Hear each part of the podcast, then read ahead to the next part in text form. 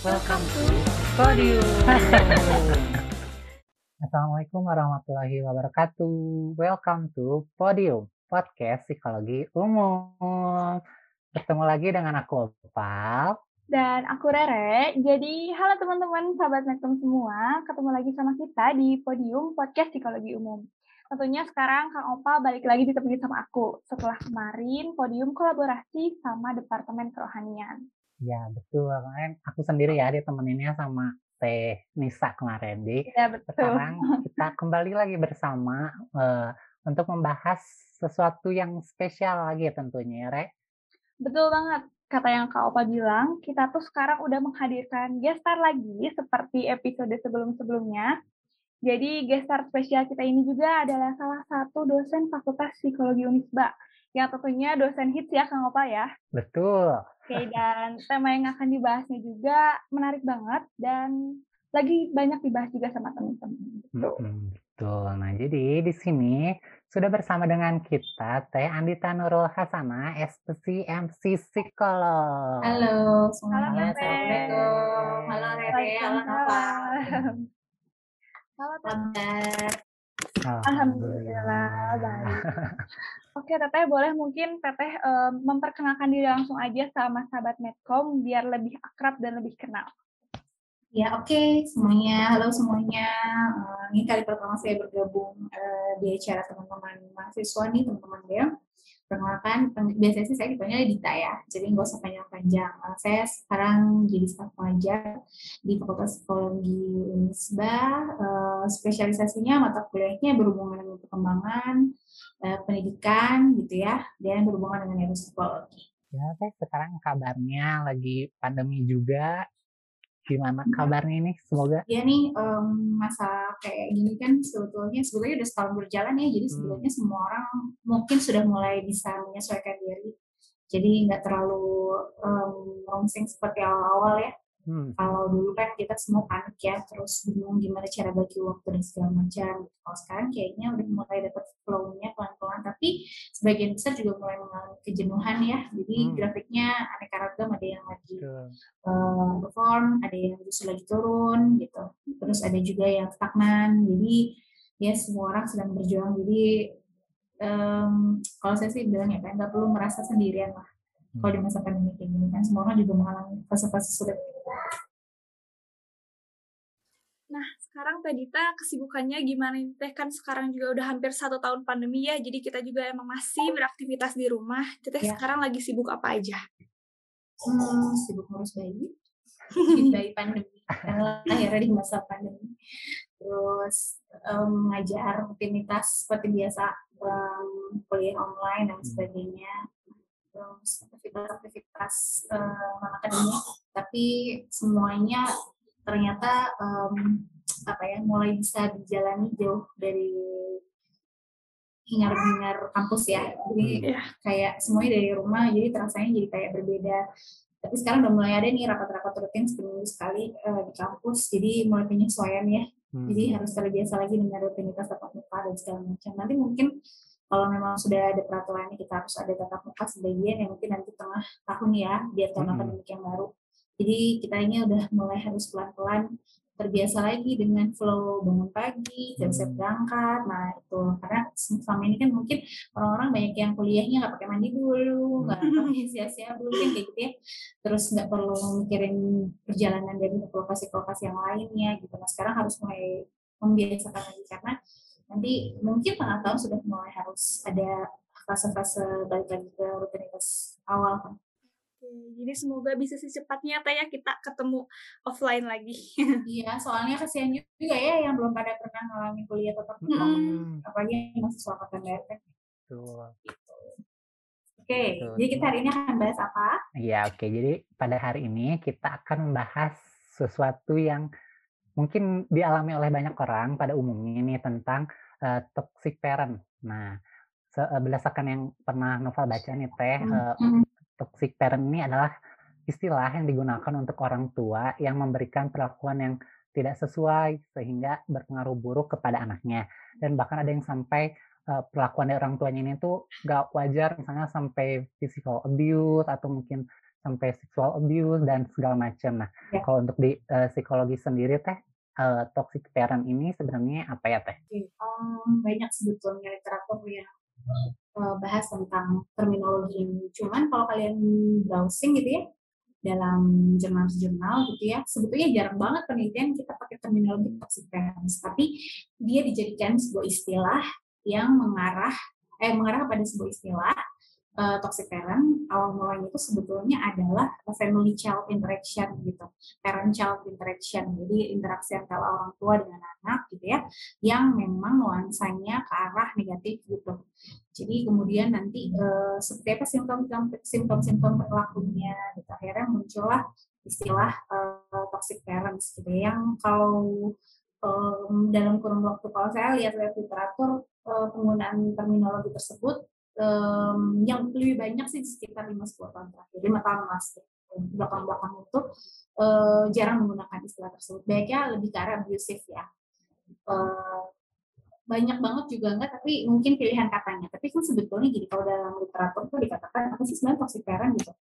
Uh, banyak banget yang bisa kita lihat dari perspektif yang berbeda-beda gitu. Jadi kalau ada beberapa kajian kalau kita yang saya pelajari, yang saya lihat, gitu ya, definisinya tadi yang seperti Novel sampaikan sebetulnya, jadi tentang bagaimana interaksi antara orang tua dengan anak, bagaimana perilaku orang tua terhadap anak, gitu ya, yang memang memberikan dampak negatif gitu. Jadi ada pihak yang sebetulnya dirugikan di dalam relasi ini. Jadi kan sebetulnya uh, toxic parents itu kan bagian kecil dari toxic relationship ya, karena kan banyak ya relasi ada di pertemanan ada dalam apa namanya hubungan romantis gitu dan salah satunya juga dari eh, orang tua dengan Nah, jadi memang ada pihak yang merasa dirugikan, ada pihak yang merasa um, tidak nyaman dalam relasi tersebut, gitu ya. Tapi apa ya, gitu, yang bikin saya nggak nyaman, emang kenapa tuh merasa tidak nyaman? Jadi, mulai diidentifikasi sebetulnya ada apa di dalam relasi itu yang membuat jadi tidak nyaman atau merasa seperti uh, dirugikan dalam kutip. Nah, perilakunya sebetulnya kalau mau kita bahas, eh, memang salah satunya berhubungan dengan bagaimana eh, anak itu diperlakukan dengan beberapa perlakuan yang tidak menyenangkan, baik secara psikologis maupun secara fisik. Kalau yang secara psikologis gitu ya, bisa dengan perlakuan-perlakuan seperti pengabaian gitu ya, kemudian eh, perlakuan-perlakuan seperti um, diremehkan gitu ya, kemudian direndahkan, dibanding-bandingkan gitu ya. Jadi itu kan psikologis ya, bukan fisik. Jadi memang terbentuk seperti itu kemudian di apa diberikan label-label yang negatif. Gitu. Terus bedanya apa dong teh sama bentuk-bentuk uh, perlakuan orang tua yang memang pengasuhannya pengasuhan abusive yang gitu ya nanti jadi pertanyaannya atau pengasuhan orang tua yang otoriter uh, sulit kita klasifikasikan apakah abuse itu pasti toxic parents, kemudian orang tua yang orang tua itu toxic parents atau tidak. Karena uh, saya belum menemukan ya mungkin ada yang sudah melakukannya tapi saya belum menemukan literaturnya mengenai oh iya yang namanya otoriter pasti uh, apa namanya toxic atau yang abusive itu ada pasti toxic. Tapi dalam definisi dalam toxic parent kan ada yang fisiknya juga tuh. Jadi kekerasan fisik maupun kekerasan psikologis gitu ya. Kalau yang fisik itu ada juga statement-statement seperti misalnya uh, dipukul gitu ya kayak um, perilaku dipukul. Kalau yang di luar negeri ada yang bisa menggunakan benda tajam eh benda tumpul ada benda tumpul gitu ya. Ada juga yang pakai belt gitu itu ada ada beberapa um, behavior yang ditunjukkan oleh orang tua. Tapi kalau di Indonesia mungkin jadi lebih variatif ya. Terus hubungannya nanti uh, dengan otoriter gimana teh? Nah masalahnya kita tidak bisa mengatakan bahwa pola otoriter itu sudah pasti abusive atau sudah pasti jadi toxic parents.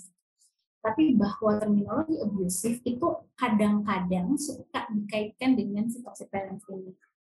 Nah tapi kan abusive itu jadi um, jadi geser makna ya sebetulnya seolah-olah tuh hmm, yang membuat kita tidak nyaman itu udah pasti abusive gitu. Nah masalahnya abusive dalam relasi relasi itu luas juga. Gitu. Apalagi kalau kekerasannya di dalamnya sekarang kita banyaknya kekerasan dan pacaran, kekerasan dan sekarang kekerasan dan interaksi orang tua dengan anak um, apa namanya saya belum nemu yang tadi saya bilang abusive uh, between parent and child interaction tapi memang cerita-cerita tentang abusive itu ada dalam uh, kajian toxic parents Nah, kemudian um, kita bahas nih, berarti kan pokoknya berhubungan dengan fisik sama psikologis saja perlakuan-perlakuan yang kayak tadi. Nah, berarti yang sebetulnya dinilai itu orang tuanya atau anaknya gitu kan.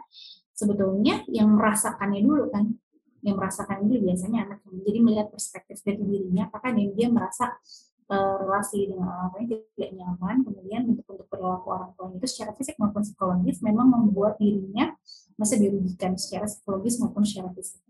Nah, kemudian um, apa namanya uh, dari situ kemudian kita bisa menggeser, menggeser kajiannya kepada oh oke okay, jadi uh, ketika ada orang tua yang mulai meremehkan anaknya, menjelek-jelekan anaknya dan segala macam itu pasti toxic parents. Nah, masuk kategorinya toxic parents itu jadinya lebih uh, spesifik lagi. Kita harus lihat bahwa uh, harus kayak gimana sih sampai kita bisa katakan bahwa orang tua yang melakukan itu tuh udah pasti toxic tentu ya kalau dalam psikologi kita harus selalu melihat komponen durasi, frekuensi, intensitas. Jadi sudah berapa lama ini terjadi, seberapa sering terjadi gitu ya. Kemudian intensitasnya gimana, segitu-segitu aja tuh mungkin parah. Misalnya dulu cuma remehin, sekarang udah mulai pakai um, labeling gitu ya. Kemudian sudah mulai pakai fisik dan seterusnya. Jadi um, tidak bisa kita katakan bahwa sekali perilaku orang tua demikian, maka kita katakan dia toxic. Karena ini kan sebuah relasi yang jangka panjang ya.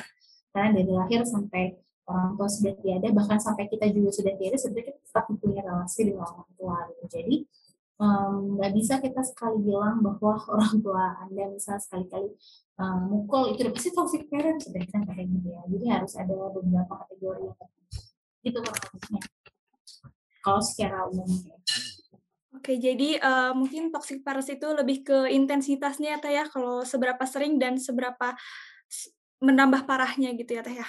Ya dan misalnya dilakukannya juga eh, apa namanya dalam misalnya dalam kurun waktu tertentu jadi bukan cuma ah gitu aja jadi kalau cuma sedetik dua detik tapi itu hanya terjadi dalam sepanjang 10 tahun terakhir ya berarti kan kita nggak bisa bilang iya. gitu loh jadi memang harus masuk kategori-kategori seperti itu hmm. Berarti untuk batasannya tersendiri si toxic ini tuh sampai mana gitu teh soalnya uh, aku gitu ya pernah baca juga di salah satu jurnal. Jadi jurnal itu tuh membahas tentang uh, labeling toxic parents pada remaja. Hmm. Jadi remaja itu tuh mereka melabelkan orang tuanya toxic parents karena tidak sesuai dengan apa yang mereka inginkan. Oh, iya. Sedangkan kan uh, kita tuh sebenarnya masa pertumbuhan dan perkembangan gitu ya teh ya. Jadi hmm yang kita pikir itu kan nggak selamanya benar gitu. Nah, sedangkan di kebanyakan remaja itu menilai kalau orang tua nggak sesuai sama aku tuh ya berarti orang tuanya yang toksik. Nah, itu gimana teh? Ya, mungkin pikirannya dia yang toksik ya. Jadi kita harus bisa mengklasifikasikan. Jadi kadang-kadang, nah itu itu pertanyaan menarik Rere. Jadi gini, um, diskrepansi gitu ya, atau adanya kesenjangan antara uh, ekspektasi uh, kita sebagai anak maupun kita sebagai orang tua gitu untuk melihat pertumbuhan dan perkembangan itu juga harus dipertimbangkan memenuhi ekspektasi itu bukan menjadi salah satu kriteria uh. Jadi bukan satu-satunya ya, enggak Jadi dia bisa menjadi salah satu, tetapi kan komponennya banyak ya. Memenuhi harapan itu kayak gimana gitu kan? Saya tuh pengen orang tua saya itu yang perhatian gitu. Kalau saya minta barang aku dikasih kemudian untuk kayak orang tua orang tua yang uh, resepsi itu pokoknya pengennya kayak orang tua orang tua yang zaman sekarang yang seru. Oke okay, konteksnya apa? Jadi kan banyak ya model-modelnya yeah. gitu kalau saya perspektif remaja. Itu dari perspektif anak. Nah uh, harus dispesifikkan dulu. Kalau kayak gitu nanti persoalannya kajiannya bukan ke arah langsung kita uh, total toksik, tapi barangkali tentang pemenuhan peran peran sebagai anak dan peran sebagai orang tua. Orang tua di setiap uh, tahap perkembangan itu punya peran masing-masing. Jadi mulai anaknya bayi, balita, kemudian remaja itu um, perannya beda-beda. Perannya beda-beda dan apa? Karena tugas perkembangan anak-anaknya juga bertambah kan. Jadi berbeda juga, jadi harus sesuaikan. Nah, um, yang normal-normal aja gitu ya dalam kondisi yang normal aja nggak ada dari toksik ya orang tua kadang-kadang tidak bisa memenuhi gitu karena nggak paham tugas perkembangannya gitu. tapi kalau sisi anak-anak yang anak-anak ini juga kesulitan untuk memenuhi tugasnya karena mereka juga tidak paham sebetulnya apa yang terjadi pada diri mereka sehingga um, apa namanya merasa bahwa um, kalau ibaratnya kalau di remaja misalnya storm and stress ini bingung gitu. Merasa kayak gelisah merasa kayak eh, penuh dengan kegundahan gitu ya. Dan tapi nggak ngerti ini gara-gara apa. Nah hal-hal semacam ini kan sebetulnya membuat uh, perspektif kita jadi berkabut ya.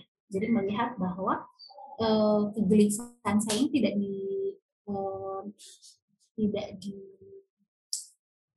sadar gitu oleh uh, lingkungan terutama pada orang tua. Nah, ketika ada senjangan semacam itu dia melihat bahwa orang tua itu sebagai figur yang tidak berdampingan gitu, tapi melihat dari sosok figur yang jauh itu figur yang tidak dapat digapai itu tidak mampu menggapai mereka. Nah sehingga kondisi-kondisi ini yang memicu konflik. Nah ada konflik dalam uh, interaksi orang tua dengan anak itu belum tentu toxic parent sebaiknya itu misalnya anaknya nggak mau belajar terus dimarahin orang tuanya gitu ya karena dia nanti bakalan dapat nilai jelek dan segala macam so anaknya langsung dipikir toxic parent ya nggak bisa itu karena konteksnya tidak tidak sampai sesederhana itu gitu.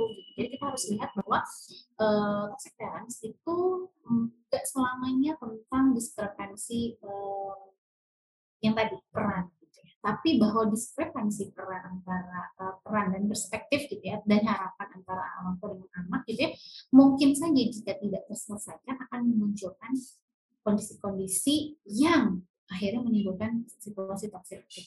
Hmm. Nah, uh, ada satu artikel yang yang yang di Indonesia sebetulnya tapi saya belum mempelajari dengan uh, detail gitu ya sebetulnya uh, ini akan rujukannya kayaknya sangat banyak jadi ternyata ada satu kajian yang menarik. Ternyata toxic relation kalau menurut penelitian itu berhubungan dengan coping strategi orang tua. Kadang-kadang orang tua bisa memunculkan perilaku atau behavior uh, toxic uh, relation behavior gitu ya as a parents gitu karena mereka dalam kondisi yang stressful as a human atau as a parents. Nah, tidak mampu mereka untuk coping stress itu akan mempengaruhi interaksi mereka dengan anak di rumah gitu ya. Dan itu akan memunculkan uh, kondisi-kondisi yang tidak menyenangkan gitu ya, yang salah satunya merugikan uh, anaknya dan akhirnya muncullah kondisi-kondisi uh, yang disebut sebagai toxic apa relationship toxic interaction uh, between parents and children. Nah dari situlah baru kita bisa katakan bahwa oh artinya gitu ya kayak gini contohnya orang tua kan stres misalnya kerja capek pulang kerja dan segala terus anaknya lagi pengen sesuatu. Mama tapi aku di kampus sekolah aku gini gini gini aku mau dong bener belum juga orang tuanya ganti baju belum orang tua segala kan capek ya. Tapi anaknya nggak bisa melihat situasi itu kemudian langsungnya orang tua mana yang akan uh, naik emosinya gitu kan? Naik emosi emosi negatifnya itu mulai keluar. Mana kan kalau pulang kerja itu kan pasti dalam kondisi kondisi mungkin di sini istirahat dulu rehat gitu ya. Jadi terpancing lah malah keluar gitu syukur-syukur kalau orang tuanya mampu melakukan coping sebelum pulang. Nah ini kan sering mereka-mereka tidak mampu coping. Akhirnya anak menilai bahwa orang tua aku tuh bisa coping aku dan segala macam. Sifat sifat-sifat yang dilekatkan dari uh, kepada orang tua seperti itu yang kemudian dinilai oleh anak sebagai bentuk toxic parenting.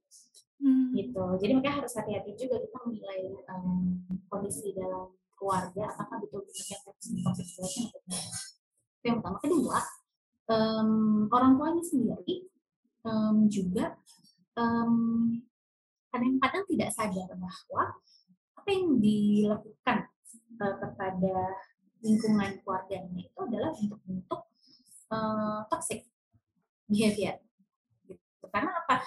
Yang namanya juga orang stres. Kan ada bentuk-bentuk coping yang tidak efektif ya, tidak menyelesaikan masalah. Nah, boro-boro memikirin uh, itu efektif atau tidak dia rasanya ada udah penuh gitu ya, udah full dengan apa namanya kondisi-kondisi yang segala macam, otomatis itu hanya butuh diluapkan gitu. Nah saat dia meluapkan emosi negatif, nah tentu saja di lingkungannya jadi akan accept emosi negatif itu dan juga jadi ikutan tersulut emosi negatifnya. Percayalah bahwa konteks uh, toxic relation itu sebetulnya kita ngomongin fisika, bahwa energi itu tidak dapat hilang, tapi hanya bisa diubah. Nah, jadi sebetulnya toxic relation itu bisa muncul di keluarga mana pun. Sebetulnya kalau kita tanya yang ada. Kenapa? Karena uh, setiap orang punya uh, tendensi untuk punya mood dan emosi yang negatif itu ya. Selalu hmm. punya uh, background itu. Nah, sekarang sadar nggak kita pada saat kita mengekspresikannya itu ekspresi yang uh, fokus solution gitu ya atau hanya untuk katarsis. Nah, mungkin itu adalah bisa jadi salah satu cikal bakal munculnya perilaku-perilaku yang dimaksud dengan toksik yang jika terus menerus dibiarkan itu menjadi masuk kategori yang tadi udah langsung toxic dalam relasi. Mau di orang tua mau dengan pasangan mau dengan teman dan segala macam. Gitu. Jadi sebetulnya nggak hanya orang tua yang toxic kita juga bisa jadi toxic. Contoh misalnya Rere lagi roasting.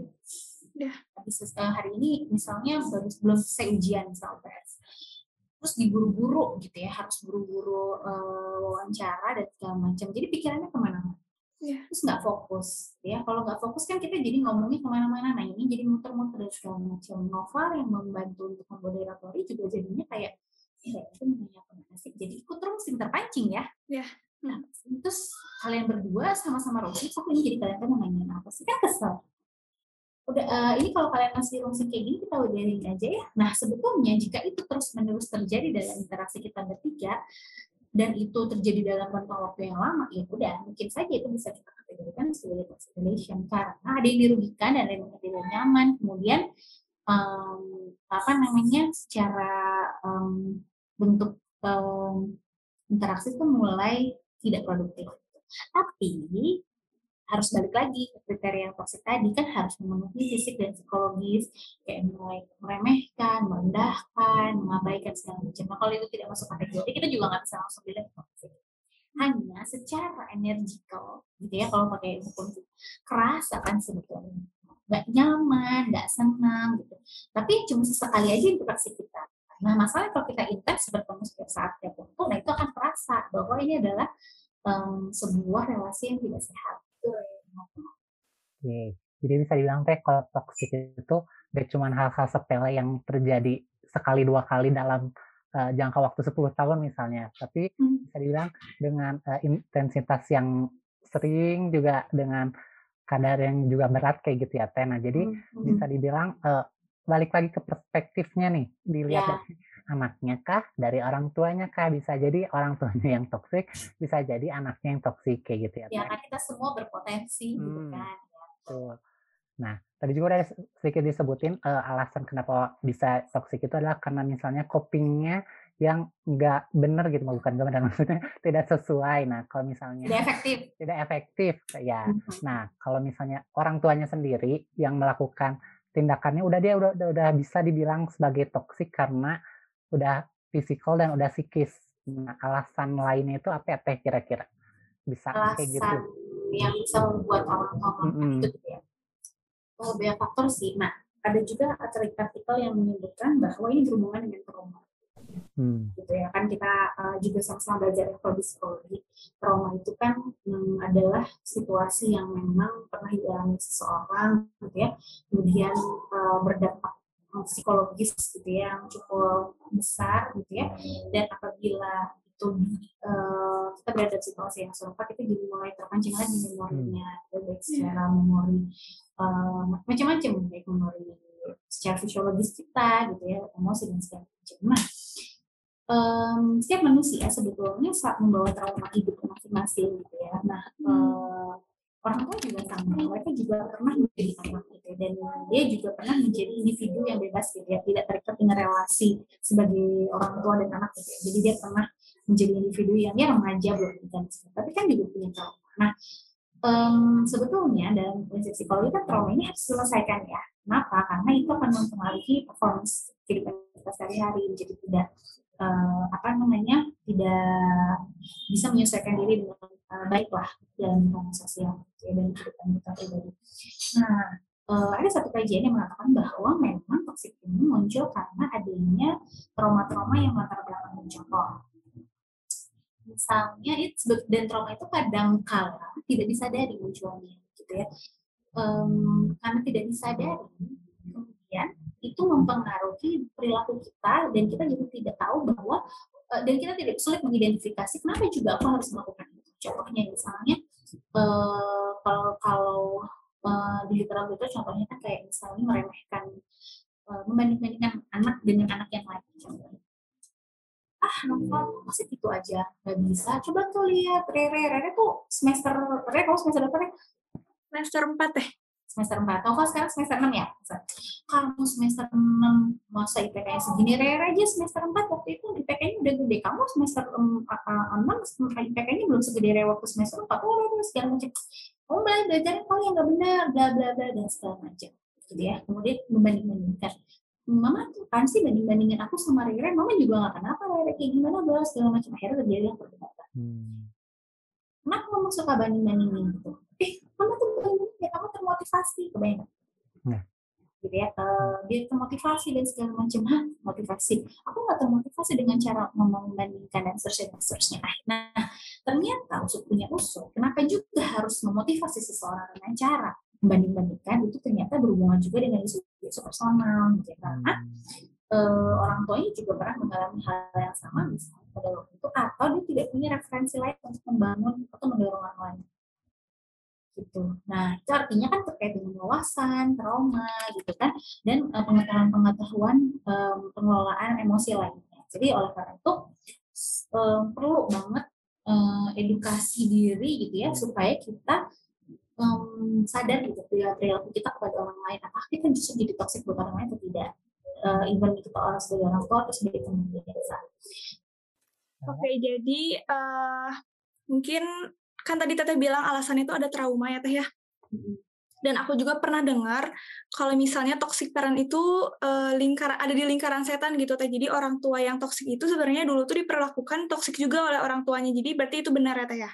Ya karena ya tadi itu trauma kan. Jadi tidak berhasil mengedukasi dirinya untuk bisa menyelesaikan traumanya sehingga itu berulang gitu. Dan sama aja gitu relasi kita dengan orang lain juga sama. Contoh misal nih ya sering dengar remaja atau mahasiswa nih curhat kenapa sih aku sering banget ketemu sama kenapa ya? Uh, aku setiap PDKT sama cowok diperlakukan itu gitu-gitu lagi gitu. Atau ketemu sama cewek itu selingkuhin lagi selingkuhin lagi. Yeah. terus dan berulang gitu terus um, kemudian ada yang nyelot ya mungkin karma kali. Ah mungkin ini kali awalnya aja kali yang dasar baperan apa segala macam gitu ya. Jadi banyak judgement judgement luar tapi kalau dia dari perspektif psikologis gitu ya um, kenapa sih bisa terjerat dalam relasi yang kurang lebih sama gitu ya. Dan kita ketemu lagi sama orang yang modelnya gitu-gitu lagi gitu-gitu lagi gitu lagi gitu kan. Artinya ada benang merah yang um, jadi penyebab semuanya gini manusia itu kan sebetulnya dinamis. Harusnya kan kita nggak ketemu lagi dengan situasi yang serupa ya. Kalau kita masih ketemu sama masalah yang sama artinya kita belum bisa mengambil pelajaran. Ambil pelajaran kayak gimana? Uh, dalam jadi gini interak dalam dalam proses berrelasi itu kan sebenarnya kita mengambil uh, apa namanya kita ada proses ada macam-macam kategori ya. Ada yang karena um, pertemanan karena Eh, sama-sama simbiosis mutualisme, ada yang bentuknya adalah yang parasit dan segala macam itu ada betul gitu ya. Tapi kenapa kita memilih bersama dengan orang-orang yang seperti ini? Atau kenapa kita terjerat dengan pertemanan seperti ini ya? Karena kita itu kan eh, kalau istilah-istilah um, dan ini, banyak istilah-istilah yang sering digunakan itu adalah law of attraction. Bahwa ada perilaku kita yang kita tampilkan yang kemudian akan menampil akan memancing respon tertentu gitu ya. Dan memang polanya biasanya kalau satu ketemu satu dua ketemu dua. Nah masalahnya kita seringnya memunculkan perilakunya memberikan stimulus pada lingkungan itu opsinya tuh nggak jauh-jauh dari dua ini. Ya otomatis kan responnya juga nggak jauh-jauh dari dua ini gitu ya. Nah makanya kita ketemu ketemu lagi sama yang modelnya sama gitu. kenapa juga setiap kali aku PDKT orang langsung menjauh. Ya mungkin cara PDKT lo kali yang salah misalnya gitu ya cara PDKT gimana sih? Misalnya PDKT ini misalnya dengan cara uh, eh, WA dulu ya, apa kamu apa kabar? Bisa tiba-tiba udah aku kamu gitu ya, pada baru ketemu, baru kenal kan langsung ngomong sih, akhirnya dijauhin gitu kan. Ya iya, jangan mulai dengan jangan langsung ke poin gitu dong. Eh, tapi kan gue orangnya gak bisa basa-basi. Nah, mindset-mindset seperti ini yang sebenarnya memancing sebuah um, pola stimulus respon yang akan begitu juga. Kan nggak semua orang bisa menerima stimulus dari kamu dengan cara begitu. Nah, kamu juga harus lihat dengan keluarga kawan antara Jadi kalau um, apa namanya makanya banyak sekali kajian-kajian gitu di luar sana yang um, terjadi itu untuk praktik-praktik sehari-hari gitu dikatakan bahwa edukasi dirimu dulu sebelum menjadi orang tua itu betul. Gitu. Kenapa? Karena awareness kita untuk memunculkan sebuah perilaku kepada diri kita sendiri gitu ya tentu akan memunculkan respon tersendiri untuk diri kita gitu ya. Apalagi kalau itu dilakukan untuk orang lain. Makanya uh, vicious circle gitu ya circle atau lingkaran setan yang nggak berhenti berhenti berhenti itu ya karena tadi tidak belajar dari adanya kan kalau di teori-teori uh, belajar yang dasar di sekolah kan gitu ya stimulus respon konsekuensi gitu ya nah orang tuh nggak belajar dari konsekuensi ini kan harusnya kita olah lagi kalau ada konsekuensi kayak gini kan berarti harusnya aku kalau konsekuensi tidak menyenangkan harus kita ubah dong supaya konsekuensinya menyenangkan. Nah ini nggak belajar, nggak ada insight dari situ. Nah proses-proses inilah yang sebetulnya memancing munculnya perilaku yang sama dan akhirnya lingkaran setan. Awalnya mungkin cuma buat diri kita sendiri, lama-lama jadi berkembang jadi satu lebih luas. Gitu.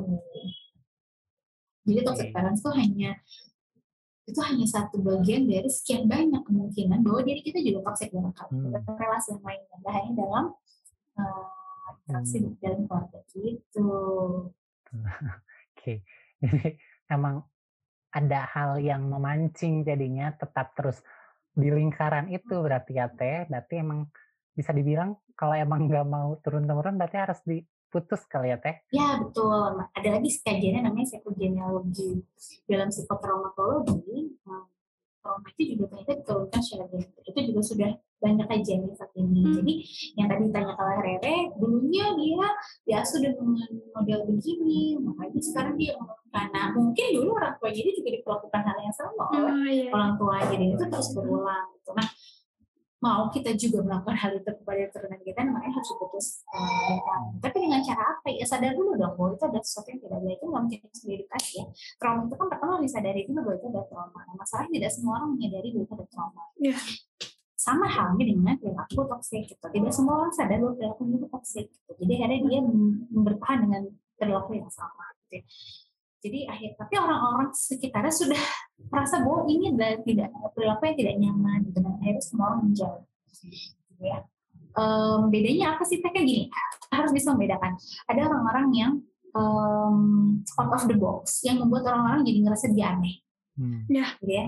Ada orang-orang yang memang aneh sehingga kita menjauh dari dia jadi harus bisa membedakan mana yang toxic mana yang memang orang-orang itu orang-orang yang sudah gitu. Cuman karena dia out of the box aja gitu ya jadinya akhirnya uh, tidak bisa diterima pola berpikir gitu. tapi kita tidak bisa langsung katakan bahwa itu ada toxic gitu, toxic hmm. person. Nah jadi nah masuk dalam kategori toxic itu yang kayak gimana ya? Tadi itu bahwa dalam berbagai setting interaksi pun dia juga bisa menunjukkan hal sama gitu ya dan secara fisik maupun psikologis muncul simptom-simptomnya gitu.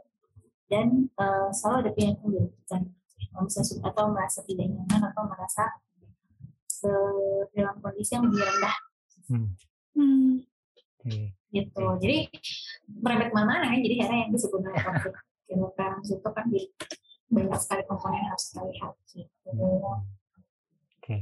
Nah teh uh, ketika misalnya orang tuanya udah benar-benar toksik yang udah masuk kategorinya hmm. dan melakukan uh, misalnya sudah uh, uh, fisik dan psikis, hmm. nah anaknya ini uh, apa ya teh bisa berdampak kepada psikologis anaknya ini seperti apa ya teh?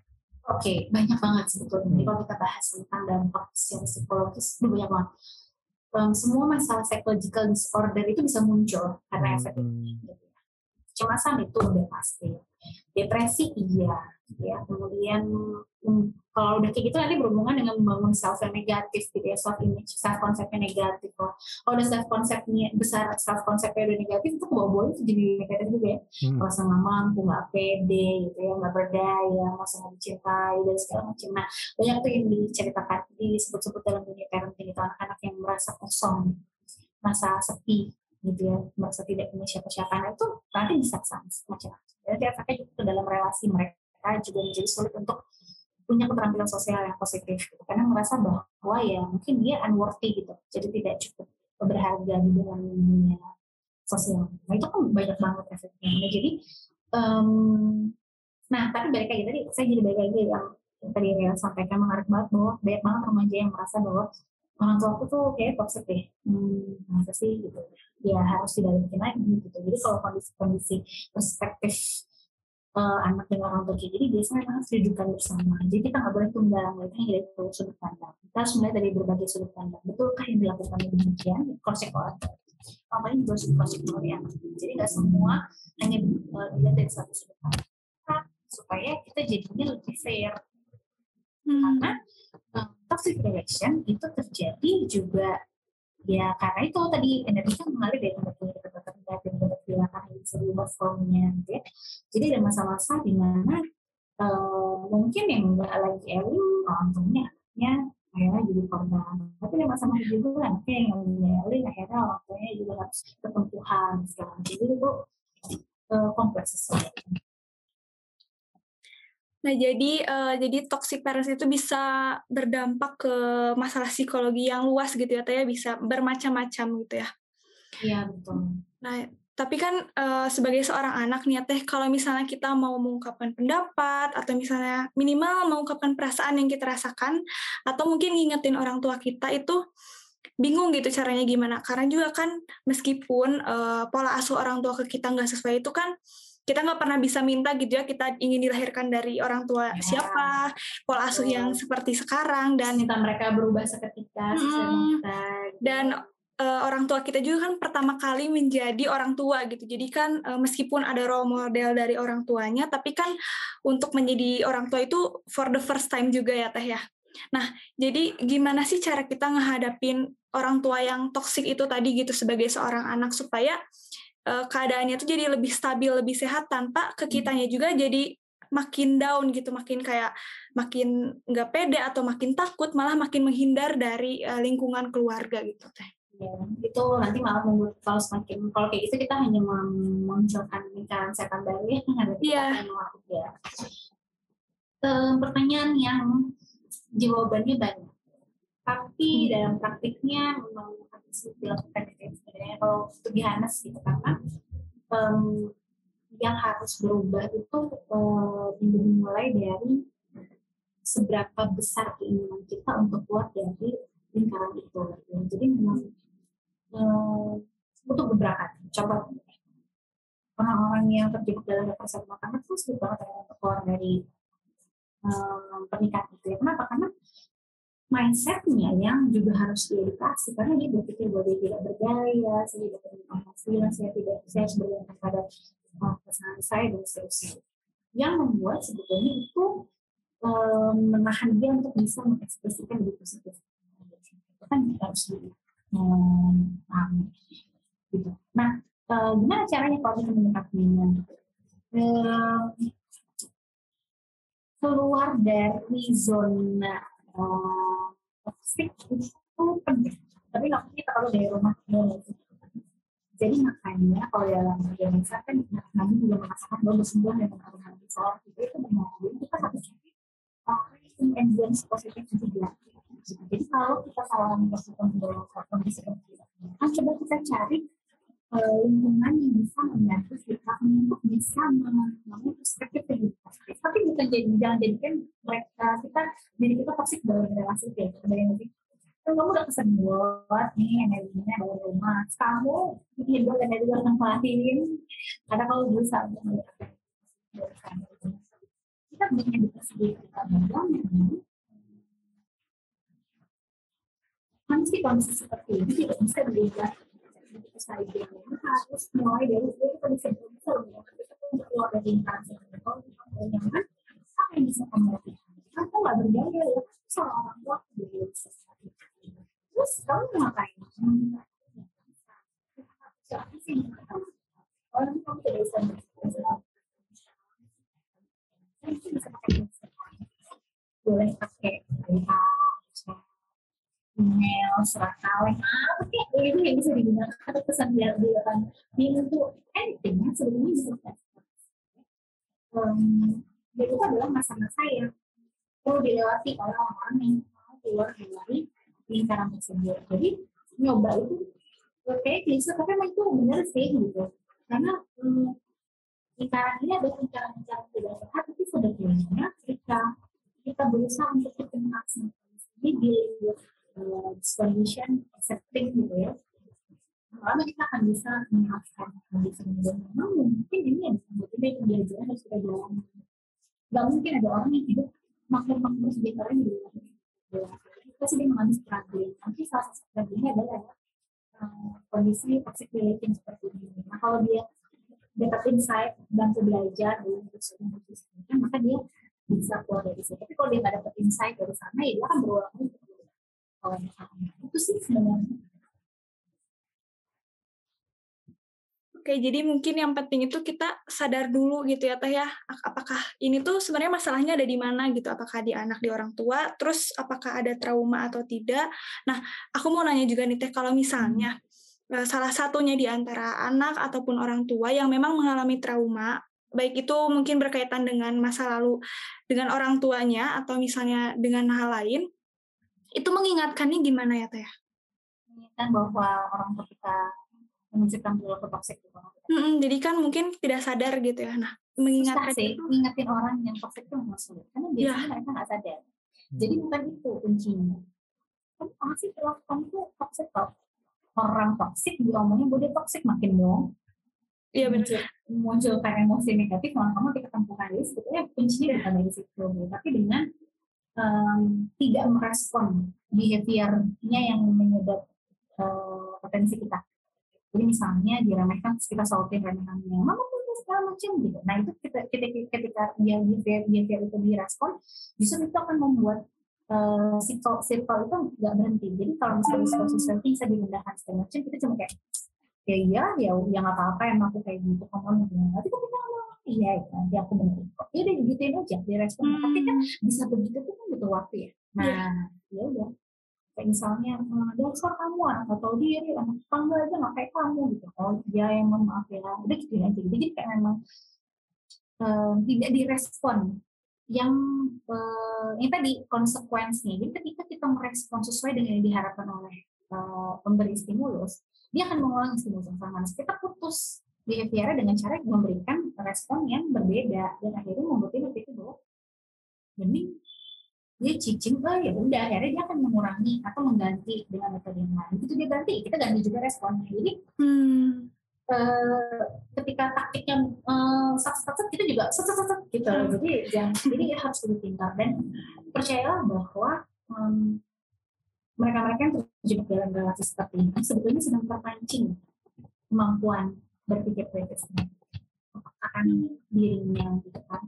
Karena apa ya mereka harus bisa membuat diri mereka tangguh ya tetap stand, standing still gitu. jadi di tok itu ya ya baik. Tapi kan begini susah banget ya. Jadi ya gunakanlah prinsip meleset ya set ngeles gitu. Tapi jangan menghantam gitu. Karena percuma karena ketika kita hantam baik lagi prinsip energi dia tidak bisa uh, dia akan melah kita gitu.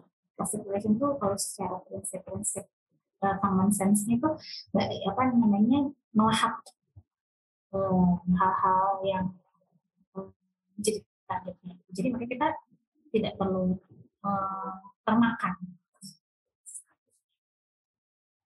Oke, nah jadi itu balik lagi bagaimana uh, kita untuk merespon dari behavior orang toksik tersebut ya, Teh. Hmm. Mau, uh, maupun uh, orang tua maupun uh, dalam relation lain gitu ya. Iya, betul. Nah, Nah, kalau gitu teh balik lagi ke misalnya alasan dari uh, toxic parent adalah pola asuh yang tidak sesuai, uh, pola asuh yang seperti apa sih untuk menciptakan uh, keluarga yang lebih sehat dan bebas dari label uh, toxic gitu teh?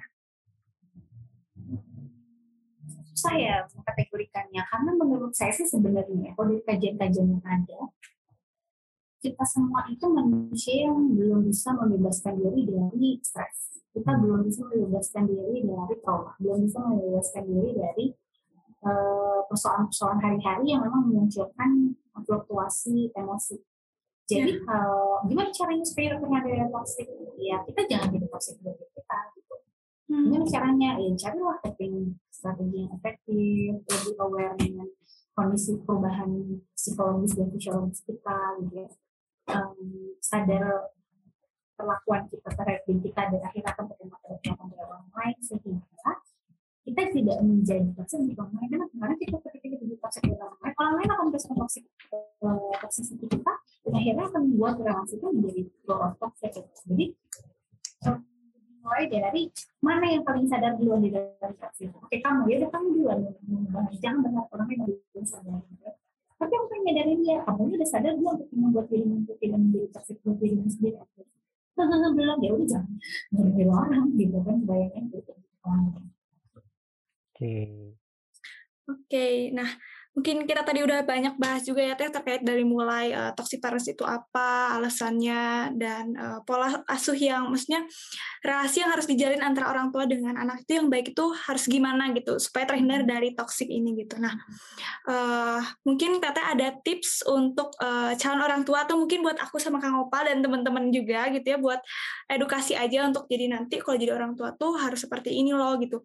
Karena kan relasi yang baik antara orang tua dan anak juga kan tidak hanya menguntungkan bukan untuk kita tapi untuk sekeluarga gitu ya teh. Jadi gimana? Mungkin ada tips dari teteh untuk menjadi orang tua yang tidak toksik gitu. Wah panjang sebenarnya tapi yang paling utama tadi udah saya sampaikan sebetulnya. Uh, gimana caranya uh, standing still di tengah badai gitu ya. Dulunya kita terkokoh berdiri di tengah badai yang menerpa nah masalahnya orang bisa kokoh itu kalau dia punya akar yang kuat mereka mereka yang menjadi toxic biasanya karena mereka juga tidak menjaga ingin di mau dia belajar masaknya dan macam. Nah, begitu kita tahu bahwa kita punya potensi keluarga yang lebih ini, uh, sebenarnya potensi juga buat kita nantinya akan menunjukkan perilaku yang sama. Sehingga ketika kita sudah sadar, apa yang bisa kita perbaiki di diri kita? Apanya yang sebetulnya behavior-behavior yang mirip-mirip dengan ciri-ciri toxic relation tadi yang sebetulnya mulai muncul dalam diri kita. Coba pelan-pelan dikurangi. Kalau hilang sama sekali memang seperti dikurangi itu tidak kali tidak sadari dulu berarti dikurangi kemudian mencari alternatif coping yang lain. Gimana caranya? Memang si informal itu adalah hal yang penting. Si informal profesional itu udah udah paling benar tapi kalau kita nggak punya biaya nggak punya waktu dan segala macam lah memang belum nggak sana gitu jangan berharap itu nanti maka hmm, banyak lah mencari referensi-referensi yang bisa membangun di yang yang bisa tapi jangan terjebak dengan self diagnosis ya terjebak dengan terlalu banyak kajian literatur yang dulu kita obrolkan jadi eh, harus banyak belajar refleksi ke dalam kemudian ekspresikannya dengan itu cara paling sederhana tapi justru yang sederhana lah yang kadang-kadang suka karena orang banyak instan. Ini cepat mana bisa? Dan kita juga perlu dari screening juga butuh bertahun-tahun misalnya baru perilaku sekali dua kali. Jadi memang harus dimention jadi kalau mulai merasa terjebak dalam situasi toksik jadi kita punya private teknik juga sekarang harus mulai belajar kalau itu supaya kita nggak sampai sebegitu parahnya dalam itu kurang lebih Oke, Oke aku mau nanya satu kali lagi ya boleh? Boleh. Jadi kan uh, tadi seperti yang udah dibahas juga kalau misalnya uh, trauma itu kan uh, genetik gitu ya turun menurun apalagi berulang gitu udah jadi su suatu behavior.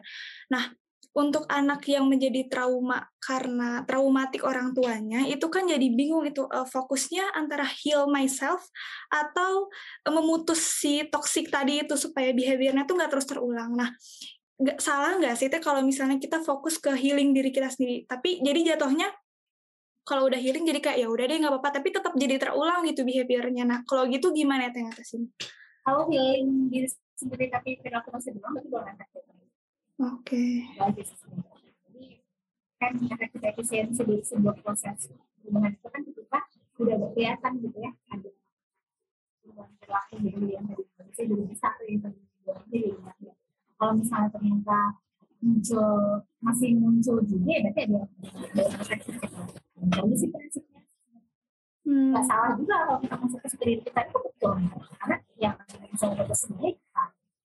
Tapi udah udah benar belum cara udah tepat belum kalau sudah tepat perubahannya kelihatan atau stagnan. Kalau masih stagnan berarti ada yang mantul di dalam diri kita entah hmm. kita yang belum trusted dengan diri kita bahwa kita mampu atau trusted dengan tekniknya atau trusted dengan lingkungannya dan sebagainya itu macam-macam. Nah, itu nanti lain lagi kita ngomongin tentang eh, healing activity lagi. Hmm. itu selalu berkaitan sih. Oke. Okay.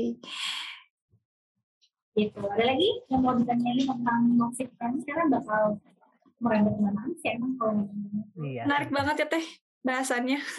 oh, karena ini masih berkaitan dengan relation relation lainnya juga ya Rea. Ya? Iya betul. Nah, kalau gitu uh, teman-teman nanti tadi tips dan triknya dari Sedita tolong di dengarkan dengan baik ya karena sangat bermanfaat dan sebagai salah satu cara juga untuk memutus dari lingkaran setannya itu.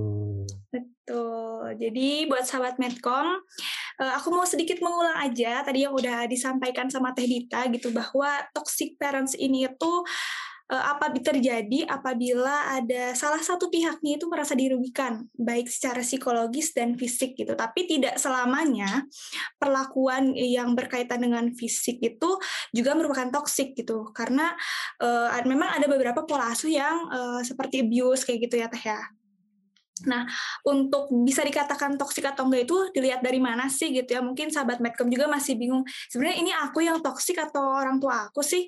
Nah, dilihat dari intensitasnya dan e, jangka waktunya gitu. Apakah terus-terusan dan apa makin semakin parah gitu. Itu juga baru kita bisa melihat oh mungkin ini ada yang salah tapi jangan sampai menjat oh orang tua aku toksik nih gitu. Karena ya gimana pun juga itu orang tua kita gitu. Jadi sebagai anak yang menyadari bahwa kayaknya ini ada yang salah oh mungkin kita harus ambil jalan seperti apa ya? Sebagai kita yang sadar bahwa oh ada yang salah dari orang tua kita kita mencari jalan untuk memutus behaviornya yang tadi gitu. Oke. Mau nambahin dikit juga berarti gimana caranya untuk memutus itu adalah seberapa kuat tekad kita untuk uh, bertahan dalam kondisi seperti ini dan seberapa kuat kita untuk uh, mau memutus uh, mata mata rantai. Ya mata rantai, mata rantai ya, mata rantai dari uh, toxic relationship ini. Nah untuk uh, itu mungkin teteh ini kita ya udah... betul.